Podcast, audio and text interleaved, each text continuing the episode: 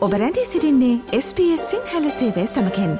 වැඩිතුර තොරතුර දැනැනීමට පිවිසන්න ps.com.ta/ Sinhala වෙපඩවයට ඔබ SBS Sinhala කුවන් විදිලිය සමකෙන්.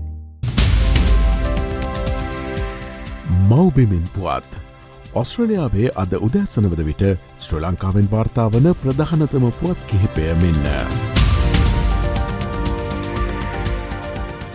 අද අගොස්තු මාස තුන්වැනිදා අපි අදත් සූදානම් ඊයේ දිනේ දෙස අවධානය යොමු කරන්න ශ්‍රී ලංකාවේ සිදුවුණු සිදුවීම් මොනවාද කියලා සොයා බලන්න.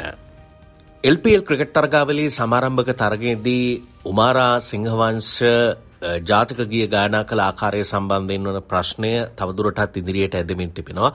ඊයේ දවසේ උමාරා ඒ පිළිබඳව ප්‍රේක්ෂකයින්ගෙන් රසිකයින්ගෙන් සමාවායදීමකුත් කරලා තිබුණා.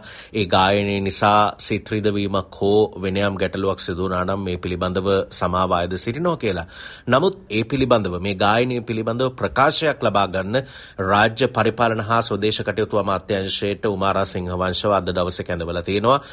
ඒ අනුව මේ ජාතික ගීය විකෘති කරලා ගායනා කරා කියලානේ චෝදනාවෙල්ල වුණේ. ඒ සම්බන්ධයෙන් ඇය එහිදී අදහස් දක්වයි.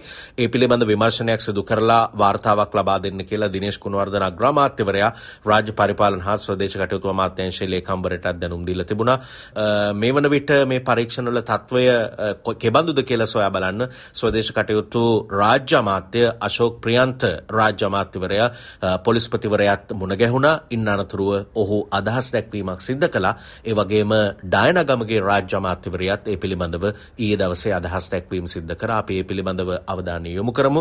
තවමත් විවිධ අදහස් මත පළවෙමින් තිබෙනවා ඒ පිළිබඳව පරීක්ෂණයකුත් ක්‍රියාත්මකයි. මිනිස්සුන්ට පිස්සු හැදිලා ඉන්නේ මේ රටේ. මට තේරෙන්නේ ඇත්තට මොකද්ද මේ මිනිස්සුන්ට වෙන්නේ කියලා. මේ රට ජෝක් එකක් බවට පත් වෙලා. මේ අපේ රටේ ඉන්න කොටසක් ඉන්නවා මේ රට විනාශ කරන්න. එතකොට දැන් ওই ජාතික ගීය ගැන කතා කරොත් වෙන රටවල වල නම් ඉන්දියාව වගේ රටක නම් එල්ලනවා. ඒත් තරම් ඒගොල්ලෝ ඒගොල්ලන්ට ඒක අභිමානයක්. ජාතික ගීය කියන්නේ රටක අභිමානය. ජාතික කොඩිය කියන්නේ රටක අභිමානය. අපි මොනවද කරන්නේ? දැන් ජාතික ගීය විකෘති කරනවා. මට අවශ්‍ය වෙලා තියෙන්නේ පළවෙනියෙන්ම ඒ පිළිබඳව සිදු වෙලා තියෙන කාරණා පිළිබඳව විධිමත් පරීක්ෂණය ඒ ආයතන වලින් ලබා ගන්න. ඊට පස්සේ පුද්ගලයෝ තනතුරු සහ කණ්ඩායම් සංවිධාන අදාළ වෙන්නේ නීතිය ක්‍රියාත්මක කරන තැනට යති. සියලු තැනන්ට එක හා සමානව මේ කාරණාවේදී පරීක්ෂණ සිදු කරන්න තමයි බලාපොරොත්තු වෙන්නේ. පැහැදිලිවම මේ පිළිබඳව අදාළ නීති ක්‍රියාත්මක කිරීමේ ආයතන වලට දැඩි ලෙස මේ නීතිය ක්‍රියාත්මක කරන්න අවශ්‍ය කරන ශක්තිය අපි අපේ අමාත්‍යාංශයෙන් ලබා දෙනවා. ඊට පුළුවන්කම ලැබෙන්නේ නීතිය ක්‍රියාත්මක කර තැනට මේක ගෙන යන්නේ.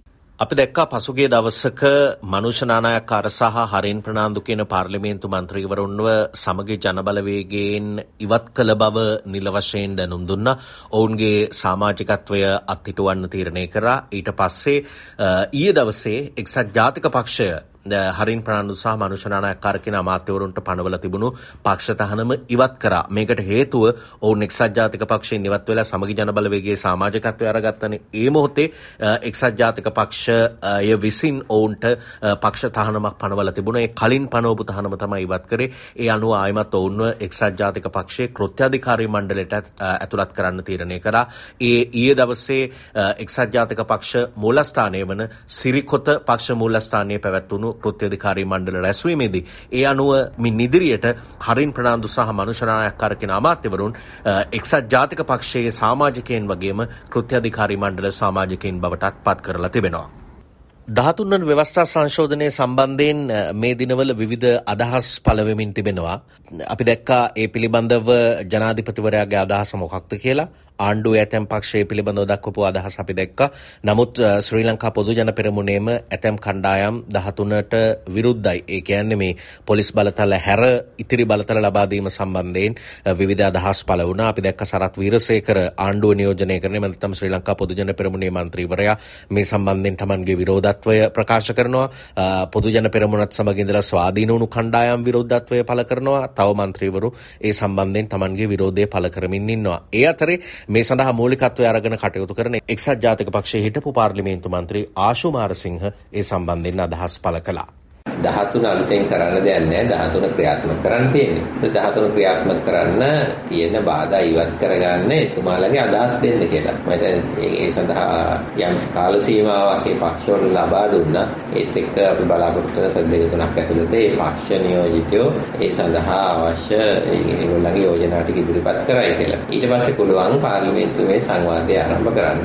ඒත් එක්කම ජනාධිපතිතුමා ඒ සඳහා පාර්ලිමේන්තුවේදී ඉස්සරහට කොහොමද අපි ඉදිරියේදී ක්‍රියාත්මක වෙත්තේ කියන සම්බන්ධයෙන් පැහැදිලි ප්‍රකාශයක් කරයි.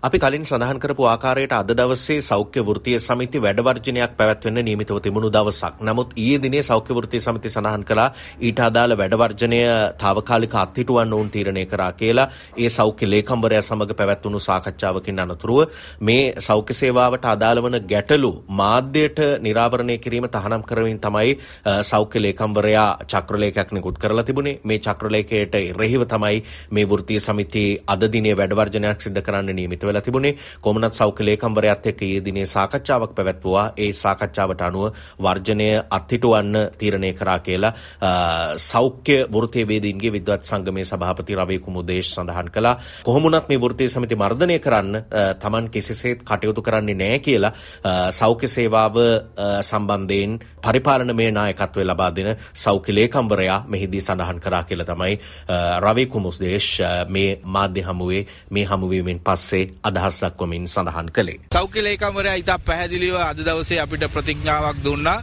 ඒ චක්‍රලේඛයේ ඇතුලේ කිසිසේත්ම වෘත්තීය සමිති දඩයම් කිරීමට එතුමා උත්සාහ නොකරන බව සහ ආයතන සංග්‍රහය තුල වෘත්තීය සමිති වලට දීලා තියෙන වරප්‍රසාද වලට පටහැනිව කටයුතු කරන්න ලේකම්වරයෙකු විදිහට ඔහු කටයුතු කරන්නේ නැති බව. ඒ පිළිබඳව අපිට ලිඛිත තහවුරු කිරීමක් ලබා දෙන්නට එකඟ වෙලා තියෙනවා. ඒ තහවුරු කිරීමත් එක්ක අපි තීරණයක් ගත්තා. වර්ජනය తాවකාලිකව අත්හිටවන්න ඊයේ දිනේ ජනාධිපතිවරයා සඳහන් කරනවා සෞඛ්‍යාංශ වෙත උපදෙස් ලබා දීලා තියෙනවා මාස 6ක් ඇතුළත නව වෛද්‍ය පනතක් සම්පාදනය කරන්න කියලා. මේ වෙනකොට ක්‍රියාත්මක වෙන වෛද්‍ය ආඥා පනතේ තියෙන අඩුපාඩු සම්පූර්ණ කරන්න, යහපත් සෞඛ්‍ය සේවාවක් ලබා දෙන්න, පුරවැසියන්ගේ යහපැවැත්ම ආරක්ෂා කරන්න මේ අරමුණු ප්‍රධාන කරගෙන නව වෛද්‍ය පනතක් සම්පාදනය කරන්න කියලා ජනාධිපති රනිල් වික්‍රමසිංහ මහත්මයා අදාළ අංශ වෙතට උපදෙස් ලබා දීලා තියෙනවා. ඒත් එක්කම කඩිනමින් වෛද්‍ය අවශ්‍යතා සපුරාලන්න ඉදිරි මාස 3 වෙනුවෙන් ප්‍රමාණවත් පරිදි වෛද්‍ය සැපයුම් සඳහා රුපියල් බිලියන 30ක අතිරේක ප්‍රතිපාදන අනුමත කරලා තියෙනවා. ඒ අනුව සෞඛ්‍ය ක්ෂේත්‍රයේ මේ තියෙන බිඳවැටීම්, මගහැරීම්, ඖෂධ අඩුපාඩු මගහරවා ගන්න මේ හරහා උත්සාහ කරන බවක් පෙනෙන්න තිබෙනවා. ශ්‍රී ලංකාවේ ආර්ථිකය ශ්‍රී ලංකාවේ වගේම ශ්‍රී ලංකාවෙන් පිටත බොහෝ දෙනෙකුගේ අවධානයට ලක්වන කාරණයක්. ඊතරම් සුබ නොවන ප්‍රවෘත්තියක් ඊයේ දිනේ වාර්තා වුණා ශ්‍රී ලංකා මහ බැංකුවේ දත්තවලට අනුව. ඒ අනුව මේ ගෙවෙන වසරේ පළමු අර්ධයේ ශ්‍රී ලංකාවේ අපනයන ආදායම සැලකිය යුතු මට්ටමින් පහත වැටිලා තියෙනවා කියලා තමයි වාර්තා වෙන්නේ. මේ කාලය ඇතුලේ අපනයන ආදායම ඩොලර් බිලියන 5.8ක් වෙනකන් 10කින් පහත වැටිලා තියෙනවා. ඒ වගේම 2023 ජනවාරි ඉඳලා ජුනි දක්වා කාලයේ ආන ආනයනත් සේට දහටය දශම හයකින් පහත වැටිල තියෙනවා. ආනයන වීදම සඳහන් වෙන්නේ අමරිකන් ඩොල බිලියන අටයි දශම එකයි හයක් විදිහට. විශේෂයෙන්ම මේ අපනයන ආදායම අඩුවෙන් ප්‍රධාන කාරණයක් හැටියට සඳහන් වෙනවා. ශ්‍රී ලංකාවේ ප්‍රධාන ගැනුම් කරුවන් වන අමරිකාව යුරෝපා සංගමය එක්සත් රාජධානය කියන ප්‍රධාන වෙළඳපළවලට ඇඟලුම් අපනයනෙන් ලැබුණු ආදායම අඩුවීම මේ අපනයන ආදායම අඩුවෙන්න ප්‍රධාන හේතුවක් බවට පත්වෙලා තියෙනවා කියලා වාර්තා වෙනවා. එමනම් හෙට දිනේදීත් ශ්‍රී ලංකාවේ සිදුවීම් පිළිබඳව අවධානය යොමු කරන බලාපොරොත්තුවෙන් අදට සමුගන්නවා මම ශ්‍රී ලංකාවේ සිට මනෝජ් උදටියාවල. මෞබිමෙන් පුවත් ශ්‍රී ලංකාවෙන් වාර්තා වන ප්‍රධානතම පුවත් කහිපය SBS සිංහල සේවෙන්.